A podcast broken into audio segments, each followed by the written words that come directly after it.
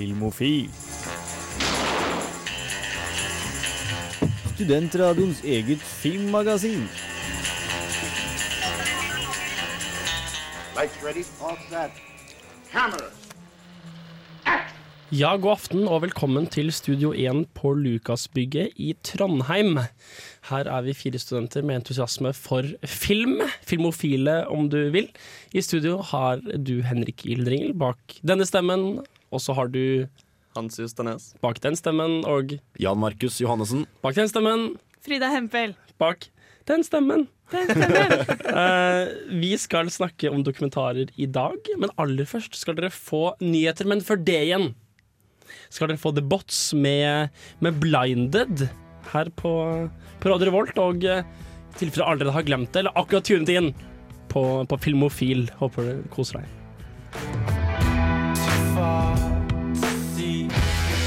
Siden sist på Filmofil Hva Har noen gjort noe koselig siden sist? Det er en uke siden dere var her. To uker siden jeg var her. Hans. Jeg har sett to fryktelig bra TV-serier. Eh, Den første jeg så, var på anbefaling fra Jan Markus, Rick and Morty. Mm. Det er dødsbra. Det er, Dan, det det er Dan Harmon i storform som, eh, som, som har lagd en sånn tegneseriegreie.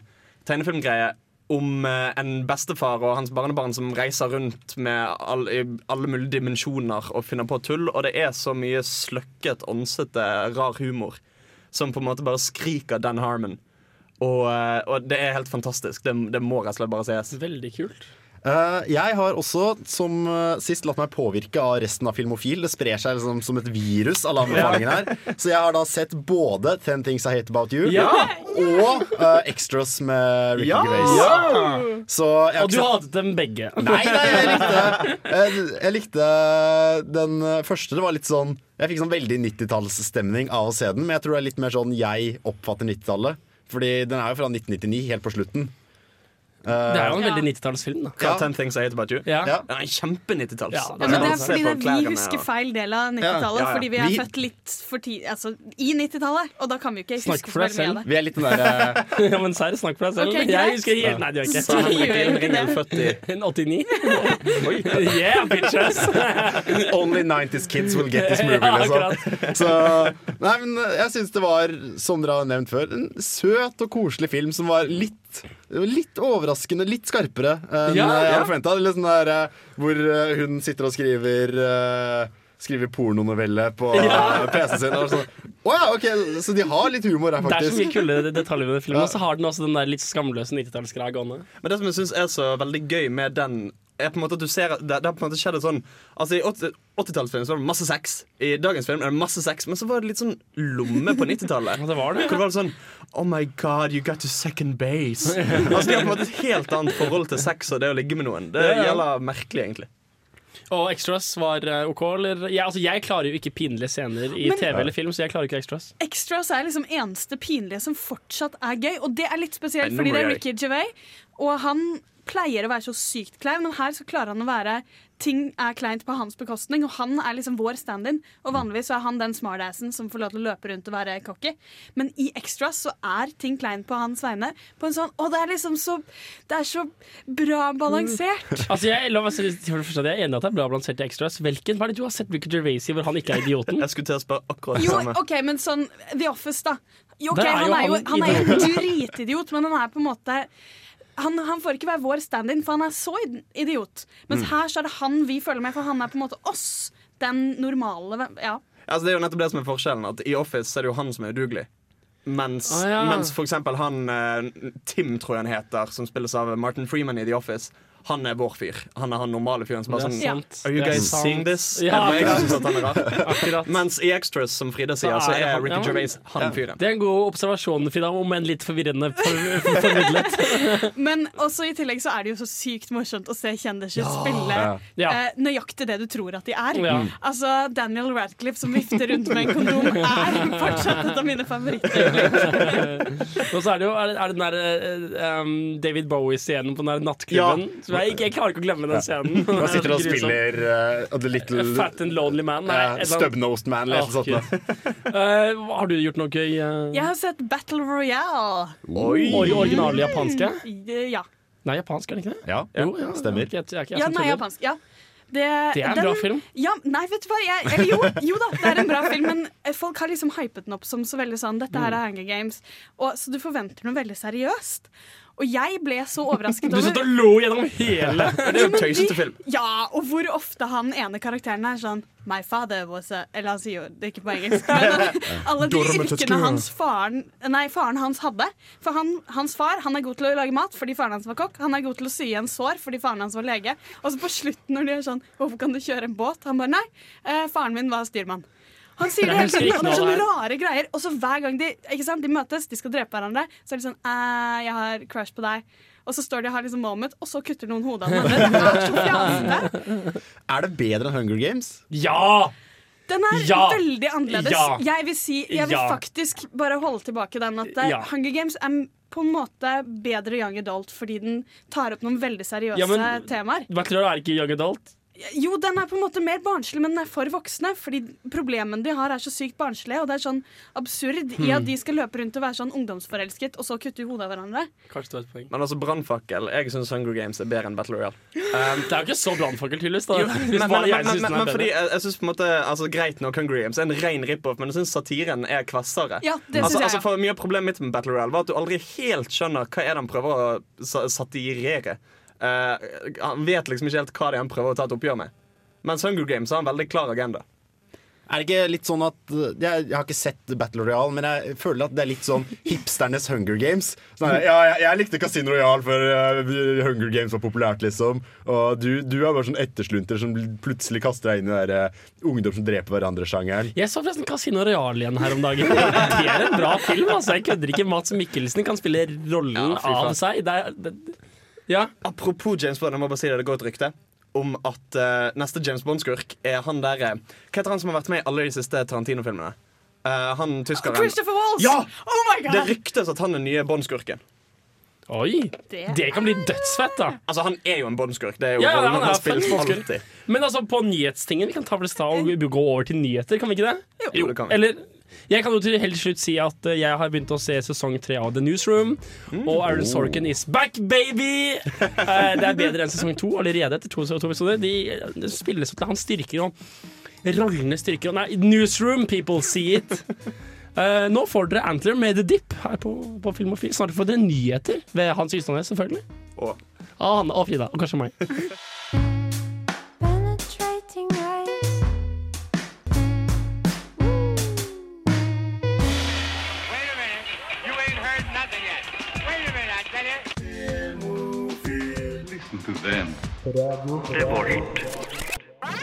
Filmofil gir deg nyhender fra filmen og fjernsynets i spanende verden. Og i tilfelle dere ikke fitter med dere, så er det altså Filmofil dere hører på etter det blir gjentatt to ganger de siste 20 sekundene. Det var altså Filmofil. Eh, nå skal dere få nyheter ved Hans Ystadnes og eh, vår nye korrespondent eh, Frida. Ny som i ny nyhetskorrespondent, ikke ny som i nye programmet. Ja.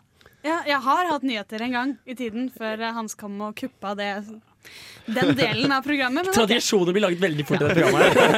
Etter én uke så er det vår tradisjonelle nyhetskorrespondent. Ja, nyheter. ja, eh, det har vært snakk lenge om eh, Prometheus 2. Har du det Nå, nå er det Ja, det har det. Er det da en nyhet? Dette er en nyhet. Fordi vi Det har seg sånn at uh, Mr. Fuckings Hva er det han heter? Michael Keaton. Ja! Nei! James Cameron. Der har du det. Det var nesten. Det var Not nesten. So close. Han, han, han er jo en visjonær mann, og nå har han snakket om eh, sna snakket om designet som kommer til å være i Prometheus 2, for han har ikke vært helt fornøyd med, med hvordan designet på særlig romvesenet var i Prometheus. Var det for lite Michael Fassbender?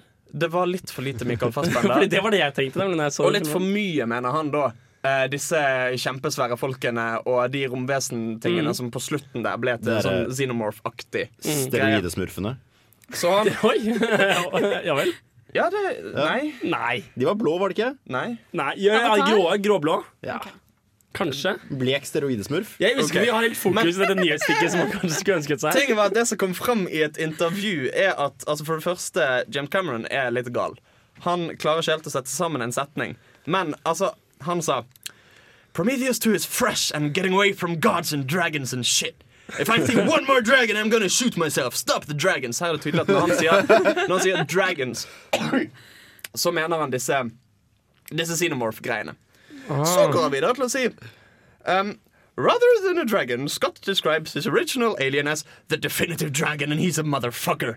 Så på, en måte på He's a motherfucker. Det er ordrett det som står.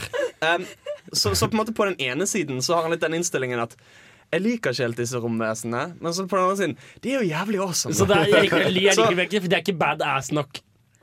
Nettopp. Men, men han Det virker som tanken hans nå er at han er lei av det designet, og i Prometheus 2 så skal han, så skal han lage en veldig annerledes uh, alien-modell. Fordi okay. at han syns at Altså, altså hele denne prequel-tingen til Prometheus var jo nettopp det at denne alienen vi så helt på slutten, lignet på liksom en baby xenomorph, altså de romvesenene som var i de opprinnelige uh, alien-filmene. Mm. Stemmer.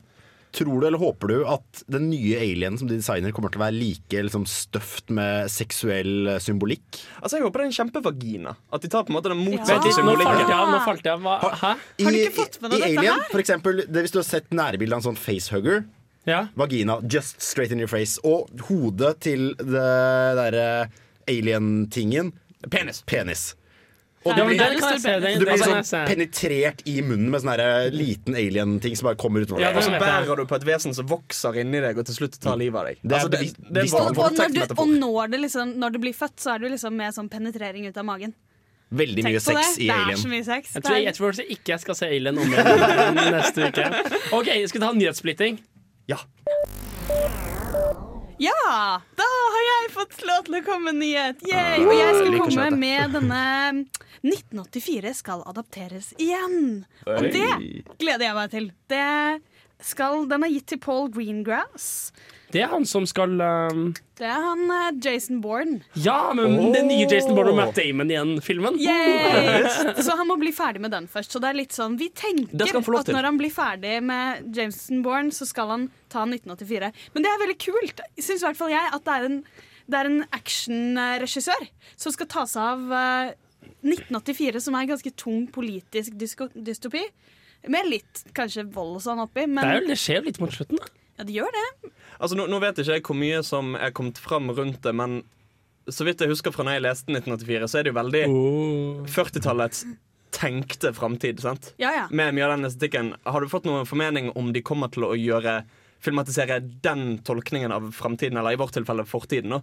Altså, Siden man ikke enda vet om uh, Paul Greengrass vil prioritere det, Mm. så tror jeg ikke de har kommet så langt. Som faktisk liksom set design, liksom. Nei. Eh, så det blir veldig spennende å se. Jeg gleder meg i hvert fall skikkelig, fordi jeg har ikke sett en uh, adopsjon av Vet dere hva jeg håper på? Jeg håper på at de klarer å skvise inn den Apple-reklamen fra 1984. Ja! Med alle de der marsjerende mennene som ser på sånn storskjerm, og så er det en veldig lettkledd dame i veldig 80-talls klær som kommer løpende med sånn slegge, en sånn javelin som hun ender med å hive inn i, inn, inn i bildet. Den håper jeg de klarer å presse inn i 1984-filmen. Det hadde vært kjempegøy om de omdøpte filmen til 2041, for eksempel. Ja, Ah, eller, eller, eller 2084. Nei, men fordi det skal være Han snudde jo bare Boken ble jo skrevet i 48 og handler om 84. Ah, nå er jeg med deg. Sant? Ah, ja, men da blir det 51, da. Så. Ja, de Ja, hadde, ja, ja, det kommer jo sånn 17. Men ja, OK. Ja. Ja, men det er bra. Det blir spennende. Jeg gleder meg skikkelig. Det gjør vi. Den må nesten tas opp igjen. Og det har blitt annonsert en fryktelig, fryktelig spennende film. Eh, jeg kan bare åpne før jeg sier hva det er som er annonsert. Så kan jeg si at på hjemmesiden til filmen så er det en tumbler. Al altså hjemmesiden oh, til filmen er en tumbler. Er det, er, er det Dette- ironisk? Nei, overhodet ikke. Dette er filmen Pitch Perfect 2. Oi. Oi. Og tagline er We're back, pitches. Å nei. Og fy faen. Frida, kan du gi meg en ti sekunders oppsummering av Pitch Perfect 1 for de som ikke har sett den? Gli! En var det. Perfekt, det var ett sekund. Kan jeg, jeg vil bare si Jeg liker ikke Glee, men jeg elsker Pitch Perfect. Ja, ok, Det er Glee, og så har de Rebel Wilson, som er en, sku en eh, komiker. eh, som spiller en karakter ved navn Fat Amy. Eh, så de har samla Spesielt med henne, men også han, eh, han fra um, Workaholics. De har noen sånn unge skuespillere som er så morsomme. Som klarer liksom å bære den filmen og gjøre den veldig til sitt eget. da Er det bare jeg som innbiller meg ting nå, eller var Amy Fowler med han òg? I toeren eller eneren? Eneren. Eller Tina Fey, kanskje. Jeg har en tendens til å blande dem. Jeg lurer på om jeg så en av de. Nei, det tror jeg ikke. Nei, okay. Jeg Kanskje tror du tenker feil. Ja. Har, to, Dessverre, altså. har toeren kommet med noen løfter eller noe om hva som er nytt, eller Men altså, er det bare det, en ser, det ser ut som om Anna Kendrick er med, og da er jeg egentlig fornøyd. Hun Ja. er jo den kjipeste.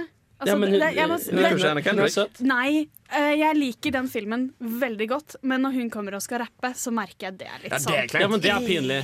Det er jo glidbiten av det. Ja. Ja, men det er jo alltid kleint når folk som ikke kan rappe, rapper. ja. Det er jo ikke hennes feil. Så du Daniel Radcliffe rappe om dagen? På, Nei, nei. Jim, på Ja, Jimmy, det, å, det var Fallon? bra! Å, det var nydelig. Altså, Daniel Radcliffe er mannen, altså. han- Han, vet, du- vet, du hva som er, vet, vet du hva som er subplottet i høstens Filmofil-sendinger? Hva? Det er Henriks voksne romanse for Daniel Radcliffe. Jeg har snakket om filmene hans, jeg har snakket om Horns, jeg har snakket om Killer Darlings, jeg har snakket om What If. Nå etter hvert så begynner han å kunne ting utenfor også. Han hadde et kjempekult intervju med Vanity Fair Magazine. Og nå har han vært liksom rappa på Jimmy Fallon. Men, men, men når han rappet, var det egne ting, eller tok han en låt? En altså, låt som typ- eksisterer, men den var dritvanskelig å rappe. da Som en veldig merkelig låt Han har liksom rappa fra han var ung, liksom. Han er, han, han er Har han smooth yo. det? Ja, ja. Selvfølgelig var han vokst opp på streeten i I, i, i, Cheshire, liksom. Nei, eh, vi skal ta og høre en låt Dere er ferdig med nyheter, er ikke det? Vi er ferdig. Jeg husker at det var tre nyheter. Stemmer. Ja. stemmer. Bra. Da er det på tide med Sleater Kenny og Bury Your Friends.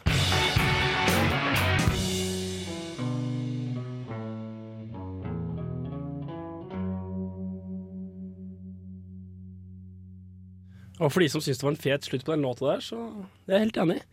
Eh, For de av oss som har da gått inn på internett og sett på Daniel Radcliffe med Jimmy Fallon, så vel, vær så god. Eh, Vi skal nå prate om ukas kinoanmeldelse, Ja. og det var The Wetlands. The. The. Ah. Visst. Og hva er det for noe? Ja, ja hm. Nei, hva, hva er det for noe? Det er kanskje den rareste filmen jeg har sett på skikkelig lenge. Eh, det er Det er mye sex, det er mye kropp, Mye som deg selv. det er mye bæsj, det er mye menstruasjonsblod. Vel, litt var det denne Oi. filmen du sa var som et eller annet bare med mer bæsj? Jeg, jeg, jeg tok og pitchet den for deg. Ja, hva Eh, var det du sa da?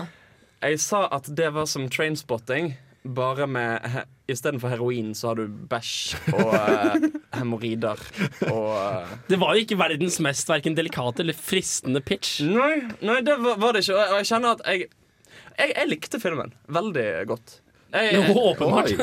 Eh, ja, men, ja, men ikke, ikke fordi Noen Men, men det, var, det var en bra film. Men jeg kjenner jeg er oppriktig nysgjerrig på hvordan de fikk Hvordan de fikk pitchet ham. Altså, altså, hvem gikk inn i et studio og sa 'Nå skal vi lage en film som du ikke har sett maken til, Johnny'? Og fyren i liksom studiostolen bare sånn Fuck it, jeg er blown away. Vi, vi, vi gjør det. Vi gjør det, vi får det til. Går, inn i, gå, gå liksom inn i Warner Brothers og bare Vet dere hva Vet dere hva dere ikke har sett på en stund? Dere har sett for lite bæsj. Det er for lite bæsj i dagens Altså, media. Hvor mange 18-åringer har dere sett på film som skjærer seg i anus når de skal barbere seg, for så å havne på sykehus? Jeg forstår ikke, Er dette en dokumentar? Nei, det er det ikke. Hva er det? Nei, det, det, det er en spillefilm. Uh, Drama, komedie, thriller? Uh, uh, det si, OK, la meg ta en sammenligning En annen sammenligning. Uh, det er Er det sånn total mal apropos-sammenligning? Sånn, Se for deg en ball. Nei, nei, nei, nei. Uh, den derre The Perks of Being a Wallflower. Ja! Ja. Bare at istedenfor å bli en skikkelig sånn innesluttet, litt sånn sosialt utilpass person, så hadde han blitt en eksepsjonistisk eh, som hadde et rart forhold til hygiene og sånn. Så dette er liksom Mm. The Perks of, perks of Being a Wallflower, bare ikke i det hele tatt. The Perks of Being a Cauliflower. Ja, det noe- er ikke det er ikke en frukt? Grønnsak? Det er blomkål. Ja. Mm. OK! Er liksom Okay. Okay. Skal vi ta en rulle? Jeg tror det. Eller har du lyst til å forklare hva du mente? Er det at det er noe veldig annet enn Wallfire? Var det det som var spøken? Nei, det som var spøken, var altså det, I dag for sånn. var da han syntes det Jeg har, forklarer forstått det sånn, metaforer. jeg har forstått det sånn at det er Altså, altså blomkål er tysk sleng for anus på samme måte som ballongknute. Ah, nå, nå, gikk, nå gikk det fra årets verste ordspill til årets nest verste, kanskje. Men eh, jeg visste ikke at ballongknute var en var et hatt eufemisme Du, for men uh, se det for deg. Ja, ja, ja, ja. Takk, takk. jeg se, se det godt for deg nå. ok, det er noen bilder, anmeldelse. Ok Helen er en 18-åring med et noe frilynt forhold til kropp og hygiene. Hun gnir skrittet inntil offentlige toalettskåler, bytter tamponger med venninnen sin og tester sexegenskapene til alle grønnsakene hos familien før hun legger de tilbake på kjøkkenet. Hun har slitt med hemoroider hele livet, og under en barberingsulykke så skjærer hun seg i endetarmen og må på sykehus. Der begynner hun å flørte med sykepleieren sin og forteller historier om bl.a. pizzabud som gir pizzaen en soggy biscuit-behandling før han sendes ut. Og alt, jeg gjentar, alt av dette får vi se i detalj. Likevel så er det noe søtt og varmt over The Wetlands, og han blir absurd koselig når han venner seg til alle kroppsvæskene. Hygiene wird bei mir klein geschrieben. Da ich mich innerlich sehr gegen das Rasieren wehre, mache ich das immer zu schnell und zu dolle. The Wetlands er en film jeg ikke kommer til å glemme med det første. Rent visuelt er det noe av det drøyeste jeg har sett. Se for deg, se for deg blå er den varmeste fargen, regissert av 4chan. Se får du trainspotting bare med hemoroider, bæsj og mensblod istedenfor heroin. Ja, Du kan i grunnen se for deg at Danny Boyle skulle ha lagd en film basert på programmet Pinlige sykdommer, satt til Tyskland, og der har du Wetlands. Det føles likevel som det ligger en tanke bak alt som gjøres. Etter hvert så får han en forståelse av hvorfor Helen gjør det hun gjør. At moren gir hun rablende gale retningslinjer, mens faren ikke gir retningslinjer i det hele tatt. Meine Eltern Nein. Dann werde ich mal verrückt. In ein paar Jahren, keiner weiß warum. Ich kann das Mama aber auch nicht anhängen, weil ich oft Realität, Lüge und Traum durcheinander werfe. Det er òg en følelse av at de ekle tingene Helen gjør, er nesten innen rekkevidde for oss vanlige folk. Klart, det er ekkelt og ekshibisjonistisk, men han klarer å balansere så vidt innenfor en grense som gjør at jeg føler at det at jeg sjokkeres, betyr at jeg er innadvendt og pysete, og ikke nødvendigvis at hun er vulgær. Noen ganger går det over denne grensen, ja, men hun er ofte lett å sympatisere med. Hun blir en karakter det går an å kjenne seg igjen i hvis han har følt seg litt annerledes en gang i livet, selv om en kanskje ikke identifiserer seg med de spesifikke hendelsene. Alt i alt så er The Wetlands en film jeg har lyst til å anbefale sterkt. For under all sjokkverdien så ligger det en fin historie om en tenåringsjente som vil ha en skikkelig familie. Det er en enkel historie fortalt på en komplisert, drøy og til tider ekstrem måte. Og jeg kommer garantert til å se den en gang til. Dette er med andre ord filmen å gå og se med familien. Helst Altså- med mamma. Altså jeg, jeg og kanskje til en viss grad Frida så nå traileren mens vi hørte på anmeldelsen. Og ikke, ikke bare matcher traileren perfekt med lydklippet et lite øyeblikk der, men det der var en disturbing. Bare traileren var temmelig disturbing. Jeg har så lyst til å se det. Herregud, jeg, jeg er ikke like sikker, altså. Nei, men, men, men jeg tuller ikke. Det er en dødsbra film. Det, det, han er skikkelig verdt å se. Ja, men Det er et eller annet med tysk fetisjisme er så mye mer fetisjistisk enn vanlig fetisjisme. Jo, jo, men- jo, men, jo, men det er ikke Det er ikke fetisjert på den måten. Al altså, altså det Er er, det en slags sånn livsglad fetisjisme? Nei, nei, men altså det er, det altså, det er, si, det er jo fetisjert i den grad at det hun gjør, er seksuelt. Og tabu. Eh, og tabu. Men, men, men, men det er ikke sånn Det er ikke meningen at du skal sitte der og, runk, og runke til det. Nei, Eh. no fucking shit! Herregud. Hvor mange var det i salen med deg på pressevisningen hans? Vi var Flere og flere, eller færre og færre. Hvordan, Nei, jeg vet hvordan, hvordan, hvordan fant du ut at dette ikke var en film du skal sitte og runke til? Nei, ikke gå! ikke gå Du, Vent litt, trenger vent ikke- litt. Jeg, det var, jeg, Jeg, jeg mistolket situasjonen. OK, det var min feil. Den, den tar jeg på meg. Greit. Og greit, greit. Ikke, OK, gi en sjanse til. Hva, hvor, hva vil du liksom si er yngste aldersgrense for denne her? Er det sånn at du kan ta med deg sånn coming of age-film, så du tar med deg en 13-åring og viser liksom Se her, han skal lære om tenårene. Ja, nei, altså det er jo ikke altså, Jeg er jo den oppfatning av at typ sånn sex og bæsj og sånn på film ikke er så skadelig som veldig mange skal ha det til. I sånn, Særlig i USA og sånn sensurmyndigheter. Så jeg vil ikke si at det er en veldig sånn Det er ikke rated R, liksom. Det du sier, er at du så Trainspotting når den kom ut. I Når kom den ut? 90, 96. Ja, da var jeg to år. Da så du Trainspotting. ja visst. Jeg synes bare Vi må bare gi litt en lite øyeblikk til den vakre formuleringen med den blå er den varmeste fargen regissert av 4chan. Det synes jeg er noe av det fineste jeg noen gang har hørt. Ja, men det, fordi, fordi du Det er pent, da. Det er, det er vakkert. Og det er akkurat det filmen er. For, for, for altså Er du misunnelig på metaforen?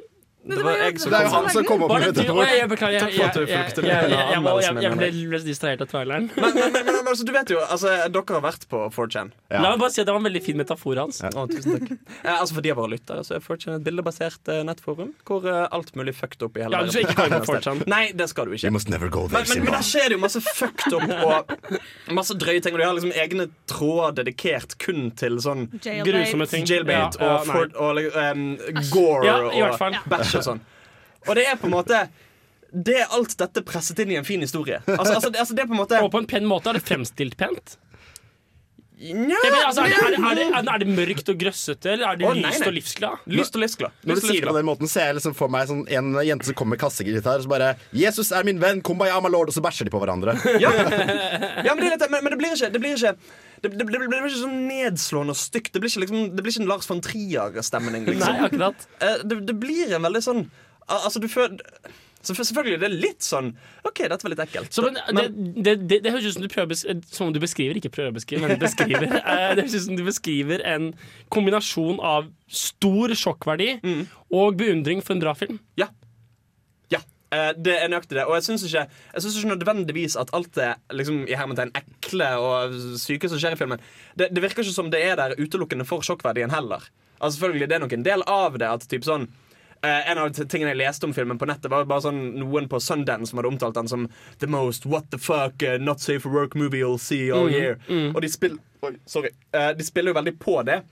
Men, men, men, det, men det virker naturlig, altså det virker troverdig. Du sitter ikke der og tenker at dette har de bare fått inn for at folk skal se på det. På en eller annen måte så er jo det egentlig den beste metaforen for å være tenåring som Mm. finnes, fordi kroppen din plutselig blir ekkel. Ja, Jeg håper dere nå kan si ja, vi kjenner igjen den følelsen, Frida. Vi er kjenner igjen noe Jeg kjenner at jeg, jeg, jeg syns også at du ble Nei, never, never mind. Jo, men det er liksom det, der, det veldig, veldig veldig kroppslige er så veldig en del av å vokse opp liksom, Jeg kjenner, puberteten. jeg kjenner den stereotypen, og jeg syns nok en gang det er en fin, uh, fin assosiasjon. Jeg kjenner meg ikke igjen personlig, men Men, men, men det jeg tenker også er at nettopp det er interessant fordi siden det si- altså, For det er jo veldig sånn en opp, oppveksthistorie. Og at hun liksom er typ sånn nesten voksen og alt det der. Og i det at det er så ekstremt som det er, så kan du tenke at veldig mange som typ er i den pubertetsalderen, kan på en måte Altså, altså Da kan denne filmen ha en verdi fordi det blir dratt så ekstremt langt ut i den filmen. Og da kan jeg sitte og tenke Vet du hva, de her kvisene mine er ikke så gale. Eh, jeg er driver i hvert fall ikke og skjærer hemoroidene mine i er fillebiter. Sånn, du viser den her på sånn komfundervisning. eh, Ja. Så der, uansett hvor ille det går med dere, så går det i hvert fall ikke så ille. Jo, men altså, Hvis jeg hadde vært konfirmasjonssjef, så hadde jeg vært sånn forsiktig litt med båt, låst alle vinduene og dørene. Og så bare Nå skal vi se på film! Satt folk i sånne Clockwork Orange-stoler mens de holder øyelokkene oppe. jeg vil jo se dere du beskriver det der. Det med at Johansen hvor galt det går går det ikke så ille, er jo samme, mye samme verdien som Trainspotting i sin tid hadde. Apropos den referansen, den assosiasjonen. Vår tids trainspotting. Ja. Ja, ja, det vil jeg faktisk si. Sykt kult. Den skal jeg se. Ja. Nei, men Jeg anbefaler den kjempemye. Vi skal ta og høre Orango med Cajun Queen før vi går inn i uh, ukas tema, nemlig dokumentarer. Uh, vi har en ganske bra det, tror du ikke? Tror jeg. Det er, jeg, jeg er på sånn antirytmegreie i dag. Låt.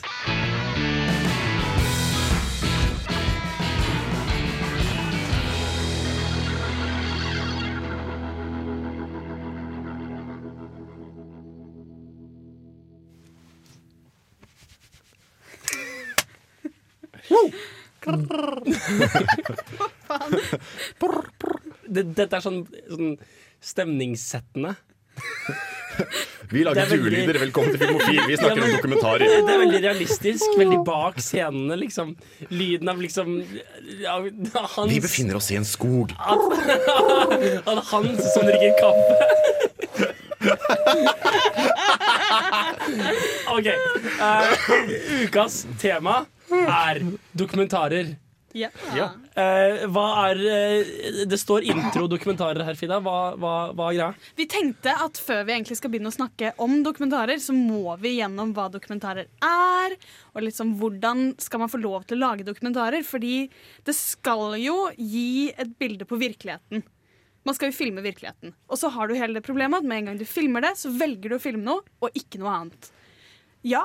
Men eh, Frida, Ja. jeg har sett Band of Brothers, og det er jo basert på en sann historie. Er det en dokumentar? Nei Du skal sies at Bandit Brothers Jeg, jeg, jeg, jeg, jeg har begynt å se Band of Brothers igjen nå, på Blu-ray mm. Regisseren er Tom Hanks, vet dere. Ja. I hvert fall, Ja, ja. eh, på Wikipedia så er det en utrolig kul definisjon på hva uh, Altså, I den populære myten ble ordet dokumentar skapt av skotske do dokumentaristen uh, John Grierson. Og, og han sier at altså, Prinsippet for dokumentaren var at kinoens potensial for å observere livet kan utnyttes i en ny kunstform. At den originale skuespiller og den originale historien kan vise virkeligheten bedre enn dens på en måte filmatografiske erstatning. Så det var på en måte en, en ny måte å, observere virkeligheten på. Altså det, det var en kreativ behandling av virkeligheten, var hans dokumentarfilm. Som er interessant med det du sier, Frida, at når du lager en dokumentar, prøver du å detektere virkeligheten, men du velger hvor du skal peke kamera, og hvilken informasjon du skal putte i disse to timene med dokumentar. Ja, og det blir jo sånn Det er jo en sånn evig diskusjon man bare alltid må snakke om når du, når du skal snakke om dokumentar, så kommer det alltid en sånn Men eh, det er jo faktisk litt subjektivt at det er Så man må liksom gjennom den før Så vi bare tenkte ja, det er sub Jeg syns egentlig det spørsmålet kan svares så lett. Ja, det er subjektivt. Dokumentarer kan ikke vise virkeligheten, selv om det er det man tenker at dokumentarer gjør. Introduserte du nå diskusjonstemaet og avsluttet jeg gjorde Sånn det. fem sekunder. Et interessant spørsmål er jo er det subjektivt objektivt, og det er subjektivt. Hans, Uh, ja, uh, jeg skulle egentlig spørre om noe helt annet. ja, for da. Frida, Frida kan avslutte. Frida kan svare. Nei, det, det, det jeg lurte på da er Hvor går på en måte grensen mellom hva som er dokumentar, og hva som ikke er det? Fordi for eksempel, du har jo eh, en dokumentar som er skikkelig gammel, som heter den derre Nanook the Eskimo, eller et eller annet sånt. Nanook of the North. Stant? Og Første dokumentaren. alt i den filmen er bullshit, Ja. som de diktet opp. Men så har du for eksempel sånn som, sånn som type Band of Brothers, sånn som type uh, Generation Kill. Uh, sånne serier som framstår som veldig realistiske, men er fiksjonelle.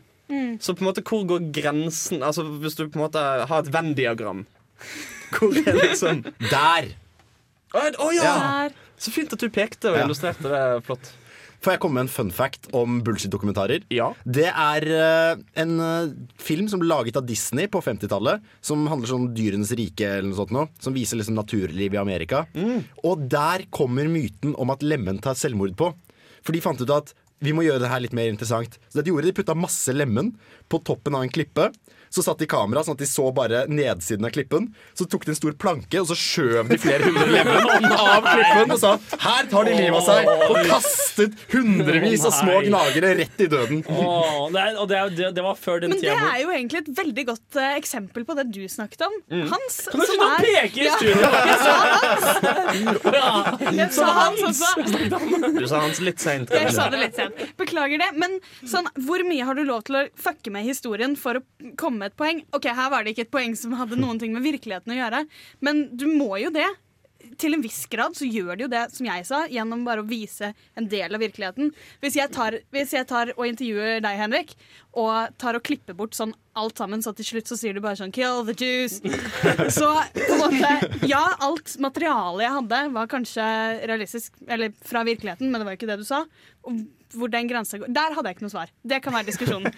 Men, men jeg føler det finnes jo en forskjell i å typ i, i, I å framstille ting på en litt sånn vridd måte. Sånn nå vrir jeg litt og klipper litt, sånn at det understreker mitt poeng.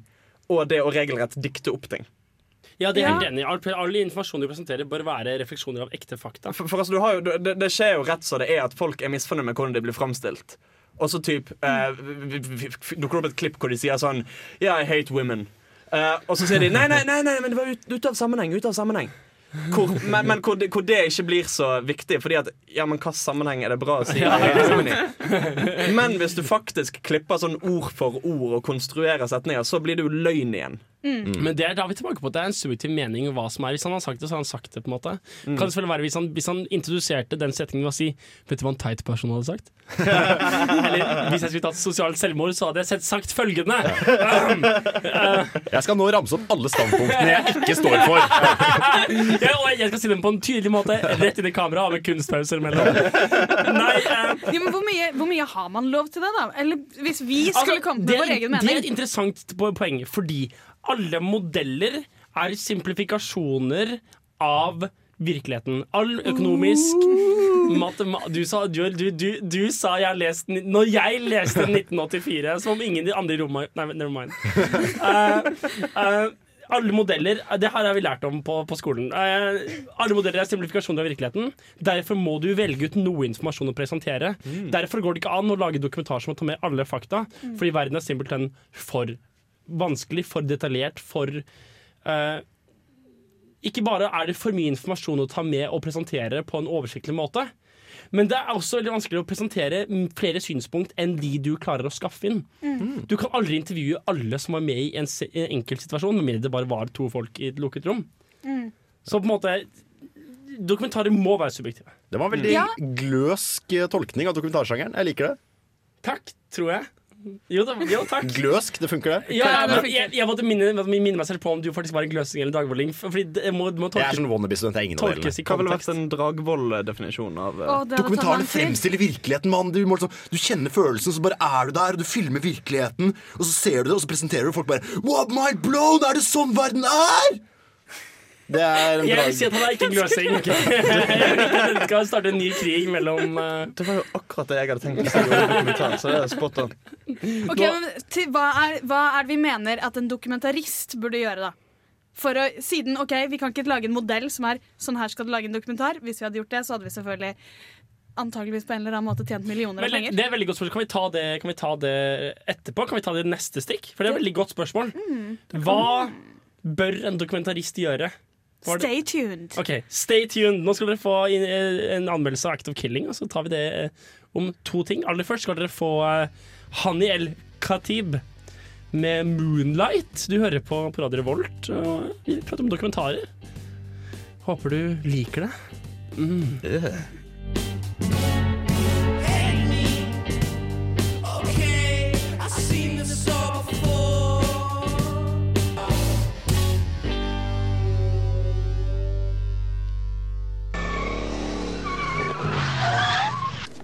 My calculations are correct. When this baby hits 88 miles per hour, you're gonna see some serious shit. Du hører på Filmofil på Radio Revolt. What did I tell you? 88 miles per hour!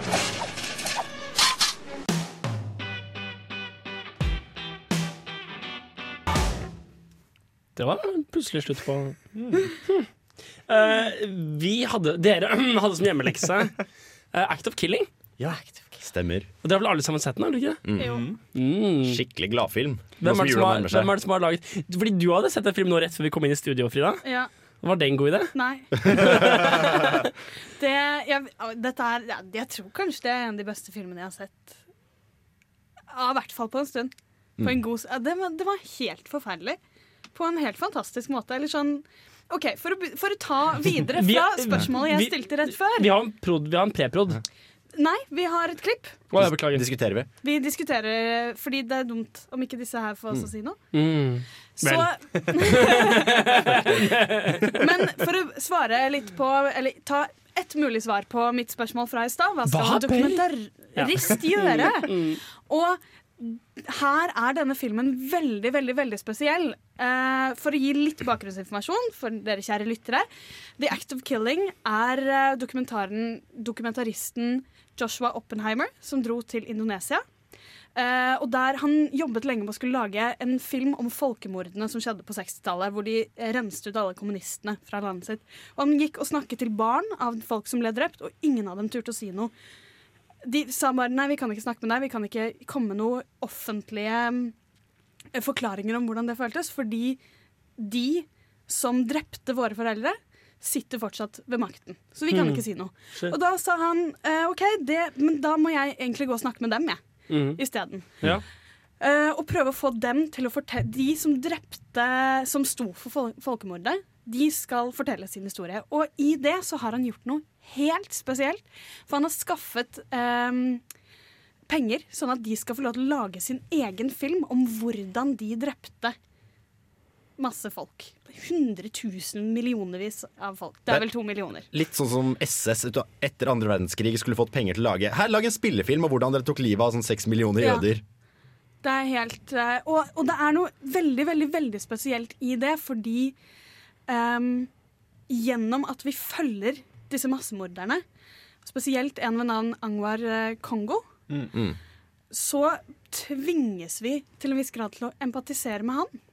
Noe vi aldri får lov til. Hvis du ser en dokumentar om andre verdenskrig, så har du alltid nazistene som sånn litt fjerne folk. De blir så veldig ehm, bare bad guys. Mm. Og her så er du nødt til å følge dem så nærme, og du har så mye nærbilder av dem mens de sitter og forteller om helt forferdelige måter å drepe folk på.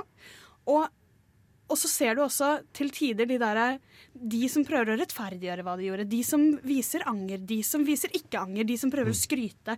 Og det, bare, det er masse, masse kaos. Og gjennom det at han han på en måte tar tak i deg som publikummer og så sier han vet du hva, du får ikke lov til å se bort fra dette mennesket her, som har gjort noe så forferdelig. Du skal empatisere med den her, og gjennom det forstå hva det folkemordet var. Eh, det klippet vi har med, er faktisk et intervju med han, hvor han snakker om akkurat det her. Um, Han Paul eh, Joshua Oppenheimer, Joshua Oppenheimer. som er regissøren. Så vi kan egentlig bare høre på hva han har å si. You spent a lot of time with these people. Was it possible to just emotionally disconnect from the, these documentary subjects?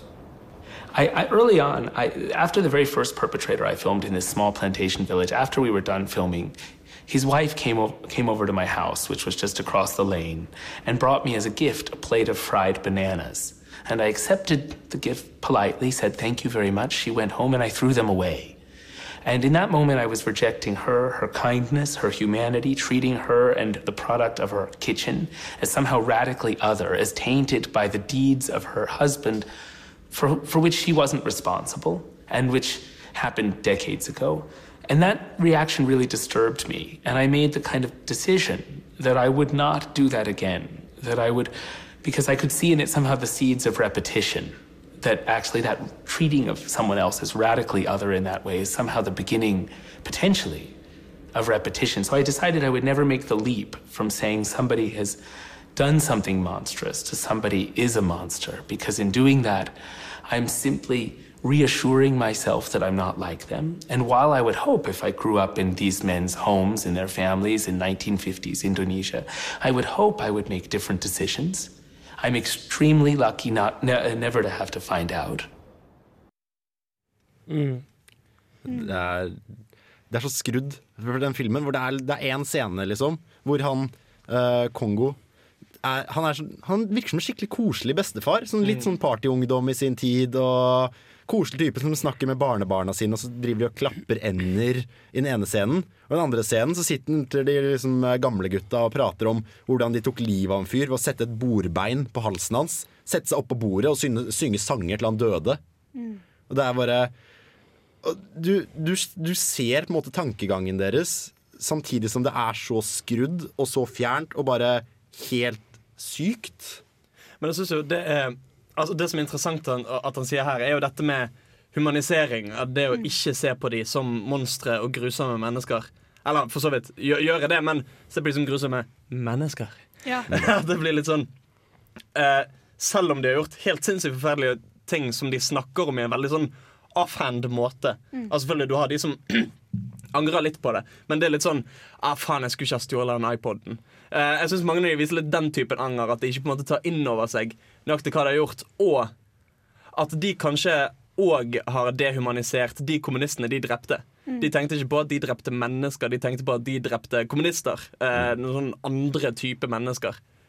Og det er jo det som er helt sinnssykt mot slutten, når han ene bare innser at Oi, faen.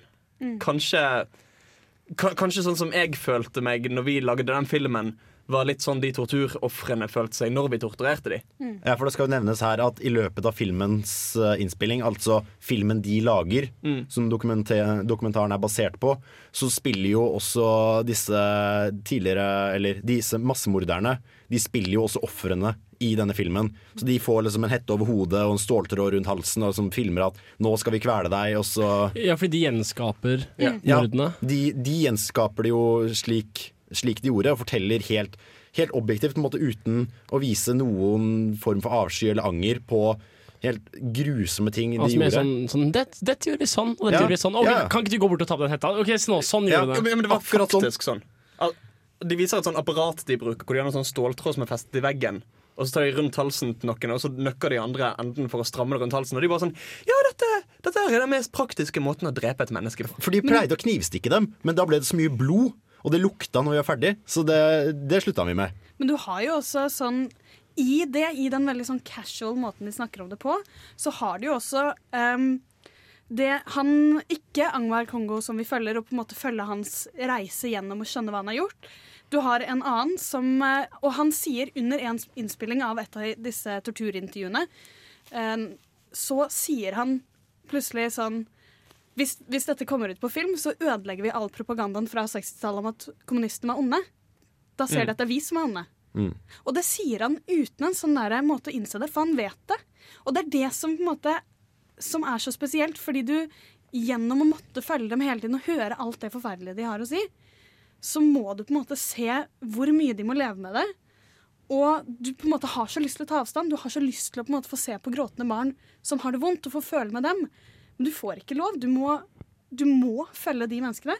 Og ved å empatisere med dem, så får du en slags litt sånn ukomfortabel følelse av at dette kunne vært deg. Liksom. Mm. At, hva, hva hadde jeg gjort? Hvordan hadde jeg reagert hvis jeg var en massemorder? Liksom? Mm. Hadde jeg tenkt de samme tankene? Sannsynligvis. At kanskje ikke finnes noen sånn medfødt ondskap. At du ikke kan liksom kategorisere folk som han er ond og ville alltid vært det, jeg er god og ville alltid vært det.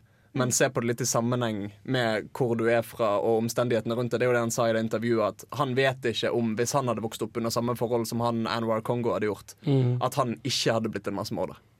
Og der, der, er, i det så er det veldig sånn Det er veldig tydelig hva Joshua Oppenheimer mener. Mm. Eh, men han går, han går veldig lite moraliserende inn. Eh, så han på en måte tar veldig på seg sånn Jeg skal vise dere et menneske. Og det er det jeg skal vise dere. Jeg skal følge dette mennesket. Og det er min rolle. Altså, jeg tror kanskje eneste stedet i filmen hvor jeg merket at han dokumentarskaperen i det hele tatt liksom sa noe med noe mening bak, var i den scenen hvor han Anwar Kongo sitter der bare sånn Tror du at de jeg torturerte, hadde det like kjipt som jeg hadde når jeg filmet og ble torturert? Og da sier han Nei, jeg tror de hadde det enormt mye verre enn du hadde det, fordi at de visste at de kom til å dø. Du visste, bare, du visste at du bare lagde en film. Og det er liksom det eneste tilfellet av at han Joshua Mm. griper inn og Hvordan fikk, hvordan fikk eh, Oppenheimer dem til å, til å filme dette her sånn? De, bare ja, De sier jo selv at ja, men vi må jo lage en film for å vise hva vi gjorde, og hvordan vi heltemodig liksom tok livet av alle disse kommunistsvina og sånn. Så fortiden må jo aldri, eller fremtiden må jo aldri glemme på en måte de nærmest heltegjerningene vi gjorde. Ja, fordi de er patrioter. Ja, de, de mener jo at det de gjorde var rett. De mener jo at, Og det er jo også litt provoserende med filmen, er at de er jo seierherrene. Regjeringa som sitter i Indonesia nå, er jo den regjeringa som styrtet den forrige, og som på en måte sa at alle kommunister er fritt vilt. Ja. Så det var, det var liksom aldri noen sånn karma som slo igjen på de. Det er Nei, de som nei, fortsatt dette, sitter. Dette var den vellykkede overtagelsen. Men så kan det ikke virke ofte som om på en måte liksom deres anger i forhold til det de gjorde, avhenger av hvor mye de snakker om det. At på en måte de bare sier sånn Ja, nei, det vi gjorde på 60-tallet, det var helt greit, det måtte gjøres. Og så etter hvert som de begynner å snakke i detalj om det, sånn Ja, for vi drepte de sånn og sånn, så merker du at underveis, etter hvert som de går gjennom det i detalj, og på en måte gjenlever det mer og mer, så snakker de litt mer avholdt om det for hver ting de sier. Så det er, altså, moralen i filmen kommer ikke frem eksplisitt, men det kommer frem av de enkeltkarakterene som depekteres. Sin egen prosess mot oppdagelse, på en måte? da, Eller? Jeg tror egentlig det er litt det viktige med at det er ikke egentlig en moral i filmen. Nei. Eller som eh, Som dokumentaristen Joshua Oppenheimer har ikke gått inn og sagt 'dette vil jeg si', fordi da tror jeg han hadde mistet veldig mye av poenget sitt. Han har gått inn og villet observ observere mennesker, og så er det en åpenbar moral i den historien. Ja. Eh, men han har aldri gått inn som en sånn moralis moraliserende person. Men hvordan slutter den, da? Hvordan, hvordan, hvordan, hvordan Det slutter med en gjentagelse av, ehm, av det første intervjuet, hvor eh, eh, Angvar Kongo I starten så står han og forteller om en plass hvor han eh, hadde drept noen. Da står han liksom danser og forteller veldig casual. Og så, på slutten, så går han tilbake, og det er etter han har fått Mm. et sånn En liten oppdagelse? en, Ikke en liten, det ser veldig epiphany, stort ja. mm. Hvor han står der oppe og prøver å si det samme, og står og brekker seg og bare har liksom falt litt sammen. Ja, han er helt knust. Helt knus. Det Ja. er helt nydelig. Så de som ikke da har sett denne filmen, bør da kanskje muligens uh, finne seg en kveld hvor de ikke trenger å ha noe med andre folk å gjøre. Kanskje og- ikke rett før de skal på filmofilsending, f.eks. Kanskje det hadde vært en idé å se den uh, i litt om kontrollerte omgivelser. Kanskje med en hyggelig person som du kan være med etterpå. Nei, Eh, nei, hold dere unna hyggelige personer. Sitt for deg selv og steng deg inne. Den skal oppleves. Vil du ha en alene. klem, Frida? Ja, jeg vil ha en klem. Mens vi klemmer, skulle dere få sende in Sound med Calm Down. Passende nok. La oss ta et lite skritt tilbake her og prøve å kategorisere hva er på måte, de forskjellige formene for dokumentarer. Har noen noen en måte, måte å kategorisere dokumentarer på? Altså Fra det vi snakket om nå, så er det veldig åpenbart en på en måte grunn til å vise dokumentaren. da. Det må jo være en veldig lett måte, ikke lett, men en veldig klar måte å kunne dele en dokumentar på. Mm. Hvor den her, eh, Act of Killing, som vi snakket om i stad, er et veldig åpenbart eksempel på en dokumentar som er laget fordi den vil forandre deg og forandre verdenssynet ditt. Mm. Og du skal, når du har sett den, så skal du eh, gå ut litt forandret. Det er jo en veldig åpenbar i hvert fall grunn til å lage dokumentar. Og så i motsetning til det, så har du jo kanskje den som er mer La oss vise deg noe rart. La oss vise deg noe som er noen sære folk. Altså underholdning-type ting? da Ja, Litt mer sånn How Cars Are Made. Ja, men mer sånn se på disse andre menneskene Uh, som er rare, som gjør rare ting. Du, du Som ikke trenger å ha noe med deg å gjøre. Ja. Vi kommer også litt tilbake til det når jeg skal snakke om ukas serie, som er Weird Weekends med Louis Theroux, Mm. hvor det er veldig fokus på akkurat det. Men altså, en, en av mine favorittdokumentarer heter Air Guitar Nation.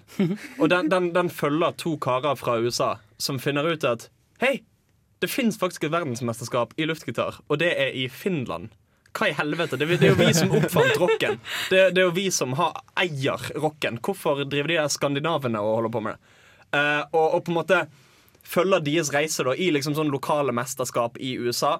Før de reiser til Finland og konkurrerer om verdensmestermedaljen i luftgitar. Og den har jo ikke, Det er jo ikke meningen at du skal lære noe dypt om mennesket av dette. Det er bare sånn Fuck it, vi lagde en tidig film om to karer som spiller luftgitar og koser seg. Men eh, ja, som du sa, den er morsom. Er det, Mm. er det da meningen at du skal sitte og empatisere med dem? Er det, Ja, ja, ja, ja. Altså, for for det, er jo, det er jo bare folk med en tidig hobby.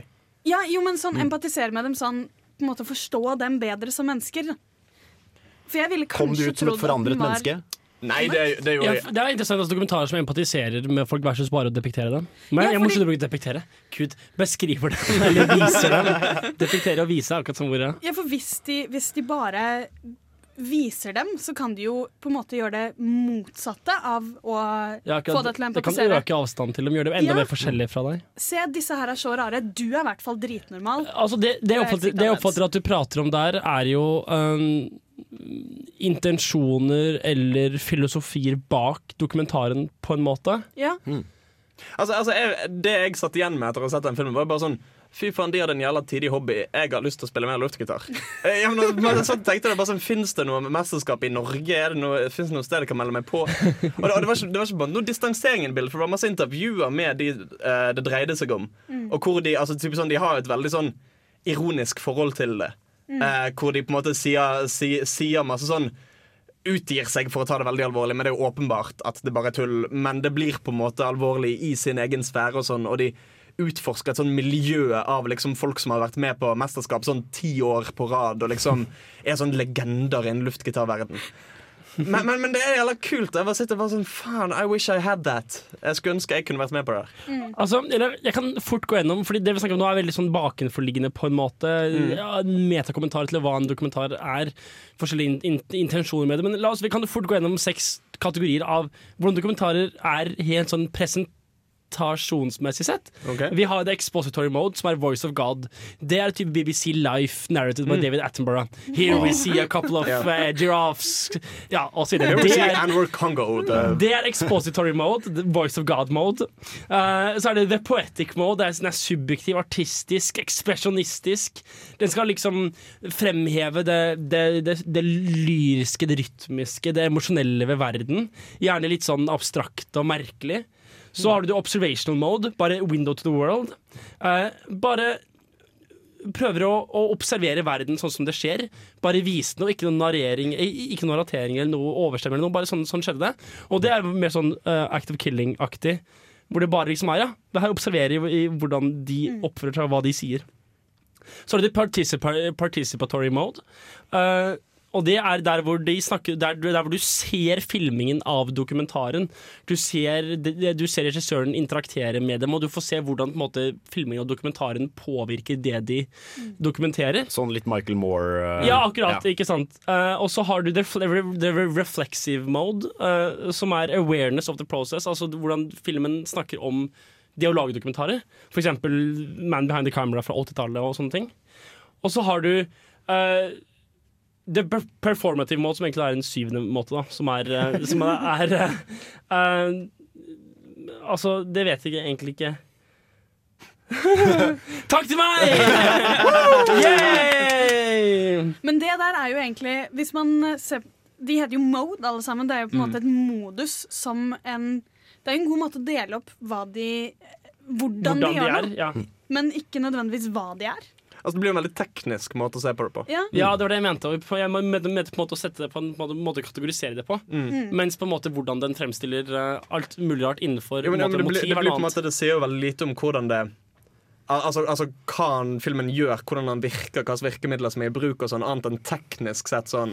Ja, ikke sant? Jeg, jeg, jeg prøver å presentere de forskjellige måtene å se på hva dokumentar er for noe på. Jeg prøver liksom å bidra på en måte Her er en liste fra Google.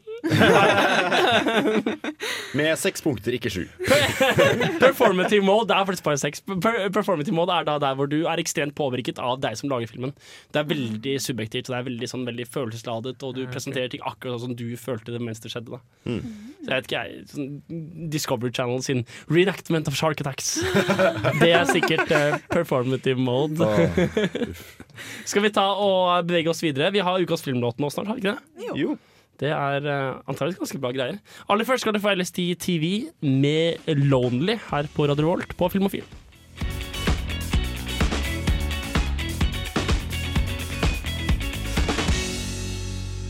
Play it once. Det er jo alltid å ha musikk når den er påtent. Helst noe indisk eller pakistansk. Ukas filmlåt.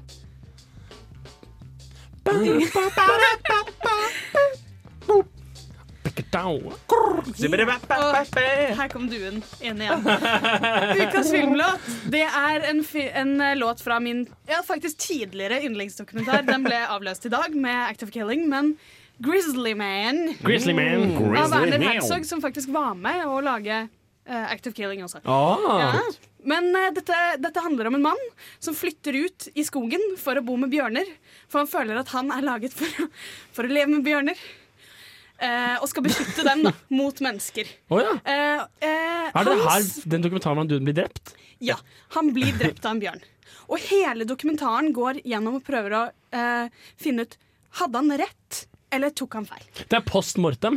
Ja, ja, ja. Han klipp han filmet seg selv i sånn 100 timer hvor han står og prater til kamera om hvor kule bjørner er. Og så basically. dør han. Og så dør han. Eh, Det fins et lydklipp av det, men det ble Nei. tatt ut av dokumentaren. Ja. uh, av at han blir spist av en bjørn.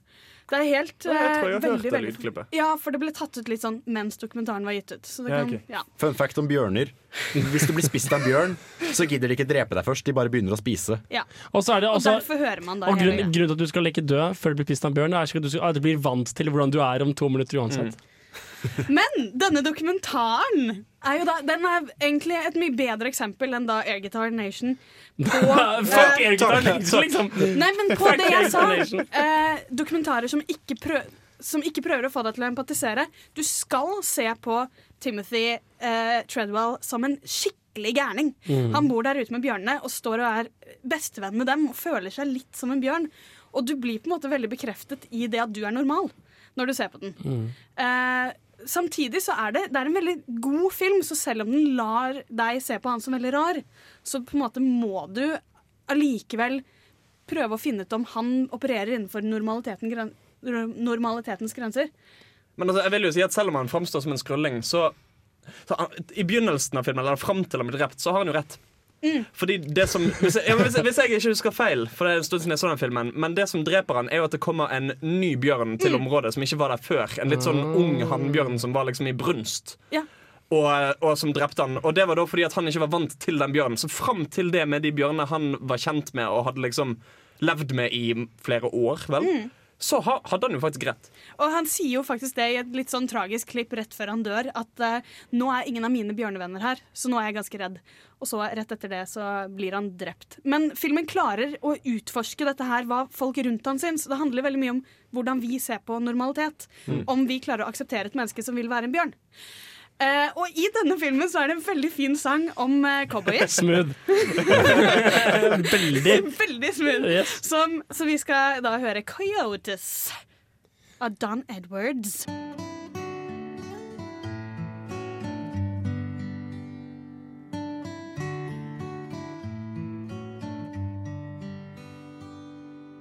Was a cowboy I knew in South Texas.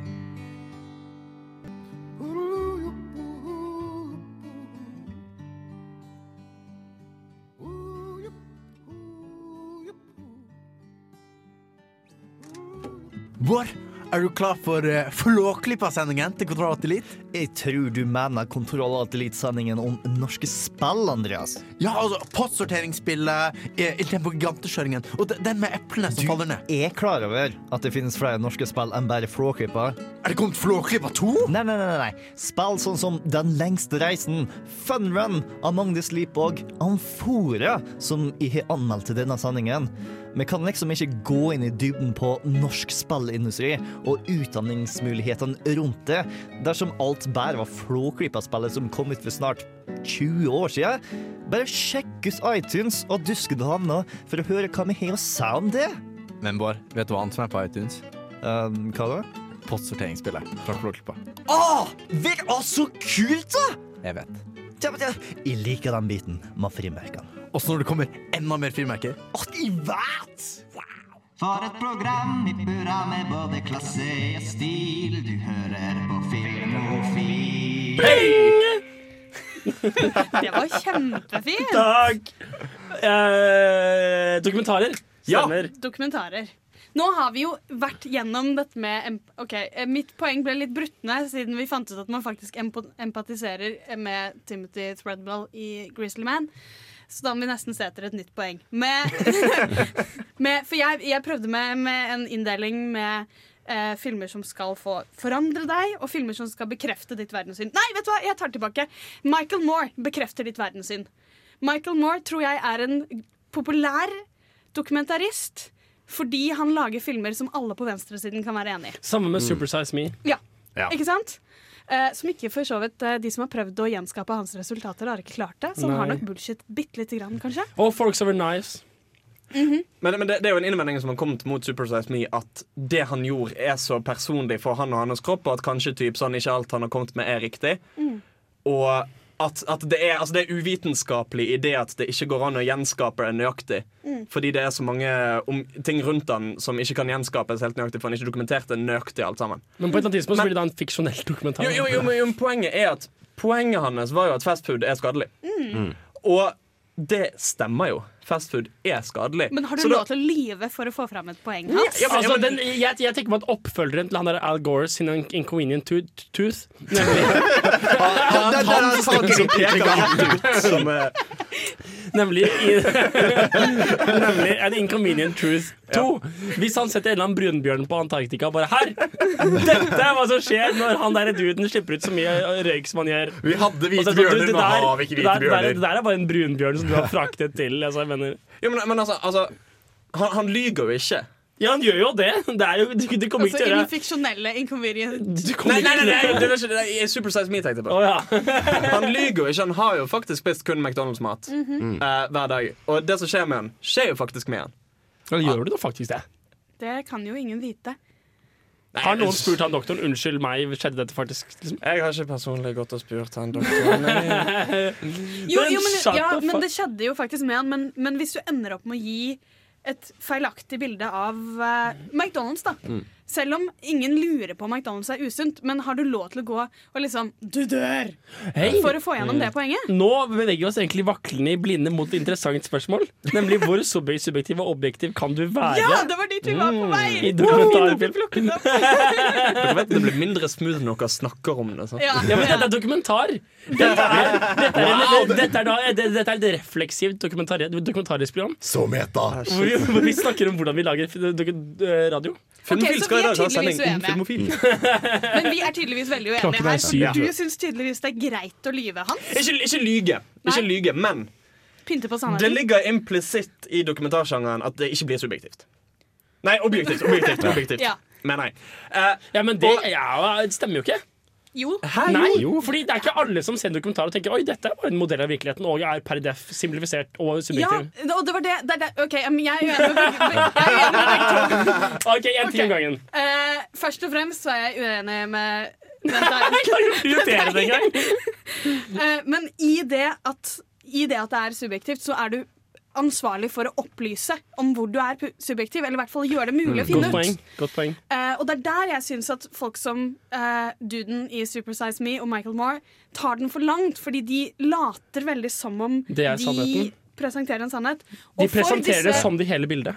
Ja. Ja, det er litt sånn Du viser en eller annen sånn fyr som Her får du liksom en hagle hvis du åpner bankkonto i Bowling for Columbine. Og så er det sånn Sånn er alle overalt hele tiden. Og det er det som er galt med verden. Ja, ja, det er veldig den derre Jeg finner et eh, ekstremtilfelle, og så presenterer jeg det som en helhet.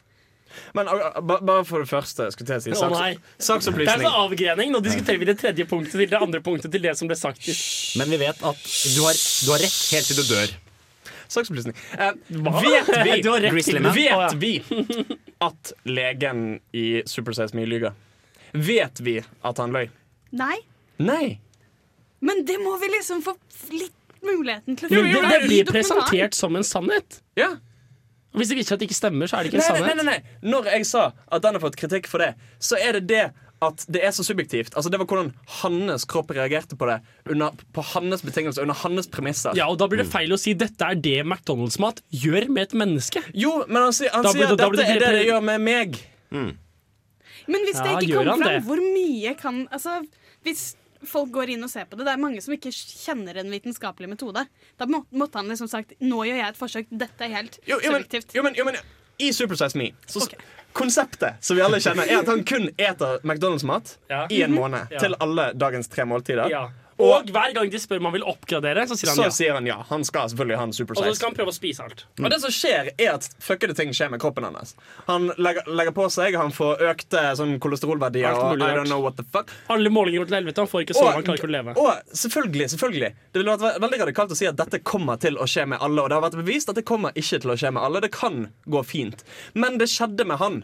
Og det viser jo at McDonald's-mat ikke er helt bra.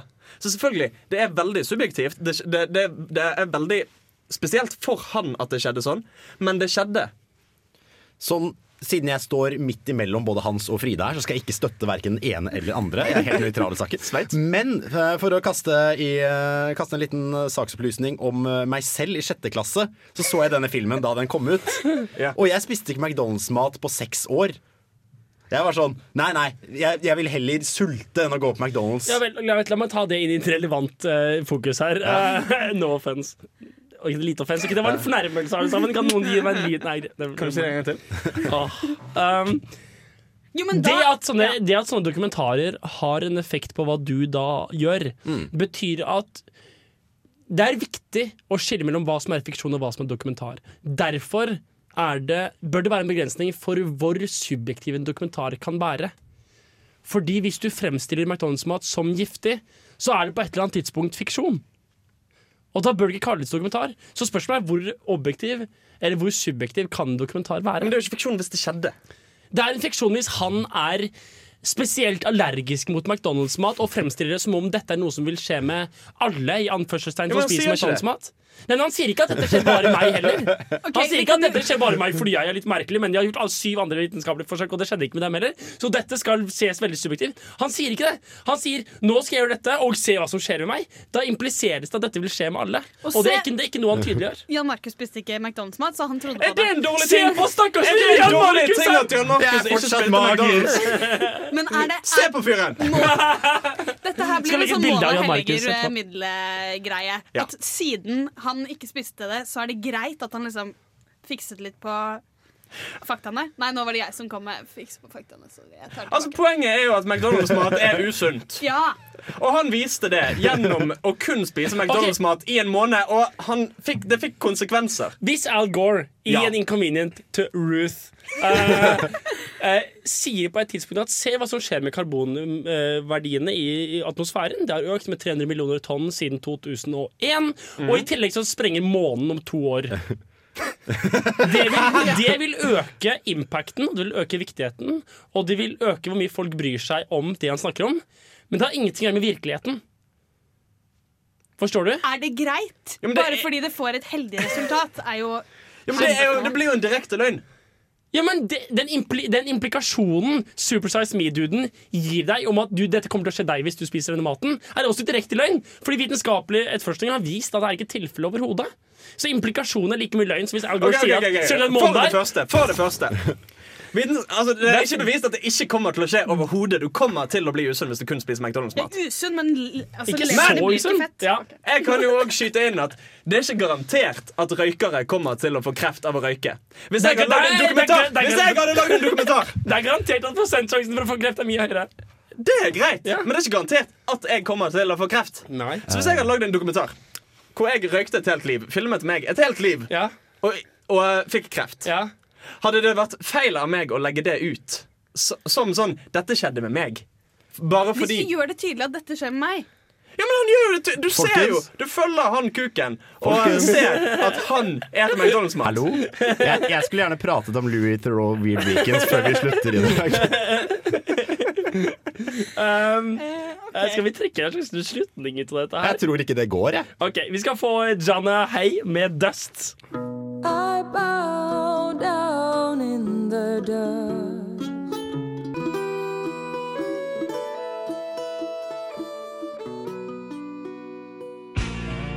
Hei!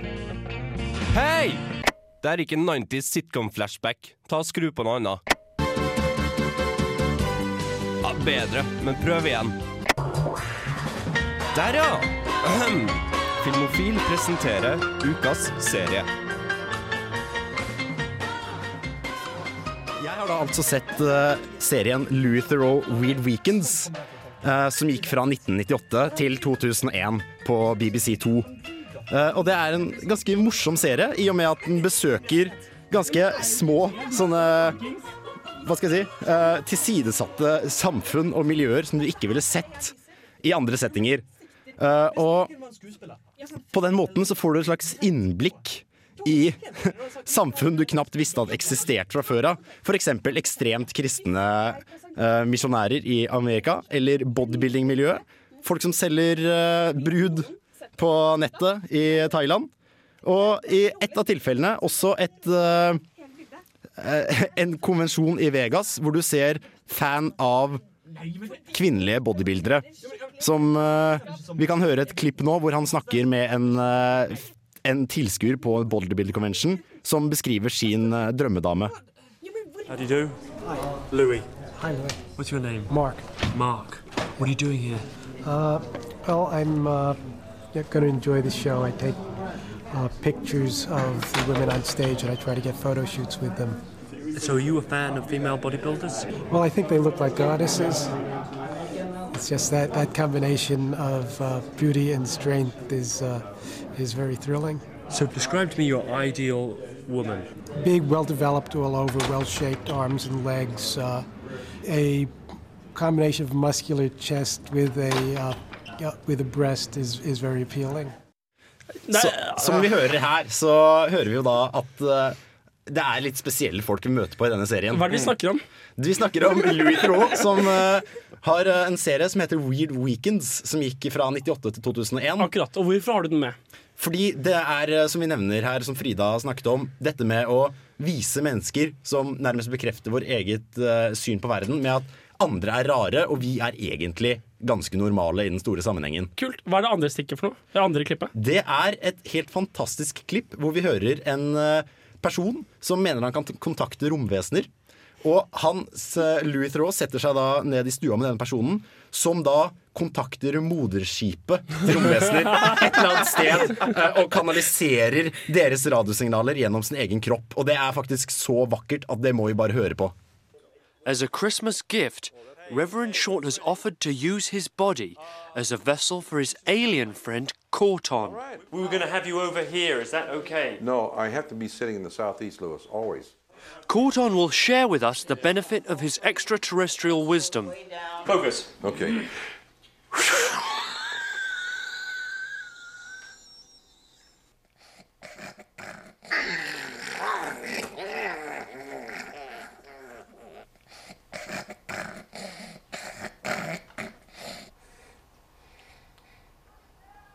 This is Central Control. This is Central Control. Stand by. Herregud. Det her er faktisk en av de få scenene hvor Louis Theroux har alvorlige problemer med å holde seg seriøs. Hvor han sitter i en stue og sånn Men jeg synes det er så fantastisk at han som regel klarer å holde seg seriøst. Altså han, han ler ikke av de, han driter ikke ut de han snakker om, selv om det er noen jævla raringer. Nei, for han vant jo også en pris på det for beste programleder for dette showet. Og han, han er jo han går på en måte inn med en sånn litt uskyldig og naiv tilnærming. Sånn der, for eksempel i den episoden hvor han besøker ekstremt religiøse kristne i Amerika. Sånn, ja, Hvis jeg kom på denne konvensjonen, blir jeg kanskje frelst da? Og eh, hvor er englene dere snakker om, liksom? Nei, De er overalt. Og, ja, så det er engler på bilen min, liksom, nå? Ja, ja. Men han dummer seg jo ikke ned Nei, nei. mens han snakker. Altså, han, eh, han klarer å bare komme inn og være Bare stille spørsmål. Så i det store hele så vil jeg si at det er en vakker liten serie som alle burde se, fordi den bare viser helt fantastiske mennesker. Hvor får jeg tak i den? Den ligger på Netflix. Åh, deilig. Dere skal få uh, Brick Batter and the Greasy Chips med She's Gone Solange. Vet du hva det var? Ja, jeg mener, altså Låta husker vel hva var. Jeg mener, vet du hva Det var Det var siste, programmet, siste vanlige programmet høsten 2014. Eh, snart begynner eksamenstiden, og eh, vi har shit to do, people to see. Eh, neste uke skal vi ha en julesending med juletema. Hjemmeleksen er Nightmare Before Christmas. A Nightmare Before Christmas. Det må dere se. Vi skal ikke ha noe som vanlig sending neste uke. Vi skal ha kosesending. Kanskje det blir en time, kanskje det blir to timer. Får se hva det blir til. Uh, denne uken så har vi snakket om diverse. Vi har anbefalt Wetlands, som visstnok var en veldig kul film. Og vi har snakket om dokumentarer. Vi har ropt om dokumentarer. Vi har diskutert om dokumentarer. Uh, alle må da se Act of Killing. I studio har du hatt Henrik Ilen Ringel. Du har hatt Hans. Jan Markus. Frida! Tusen takk for at du har hørt på. Uh, Podkaster som er på nett. Facebook. Facebook, Gå inn på Facebook og lik oss og delta og diskutere linker. Og, og jeg hadde satt pris på litt, uh, litt action. Litt rett og slett. feedback. Litt feedback, liksom. Ja visst. Send oss spørsmål, folkens. Så som eh, Hans Ystnes ville sagt, eh, hallaisen. Hallaisen.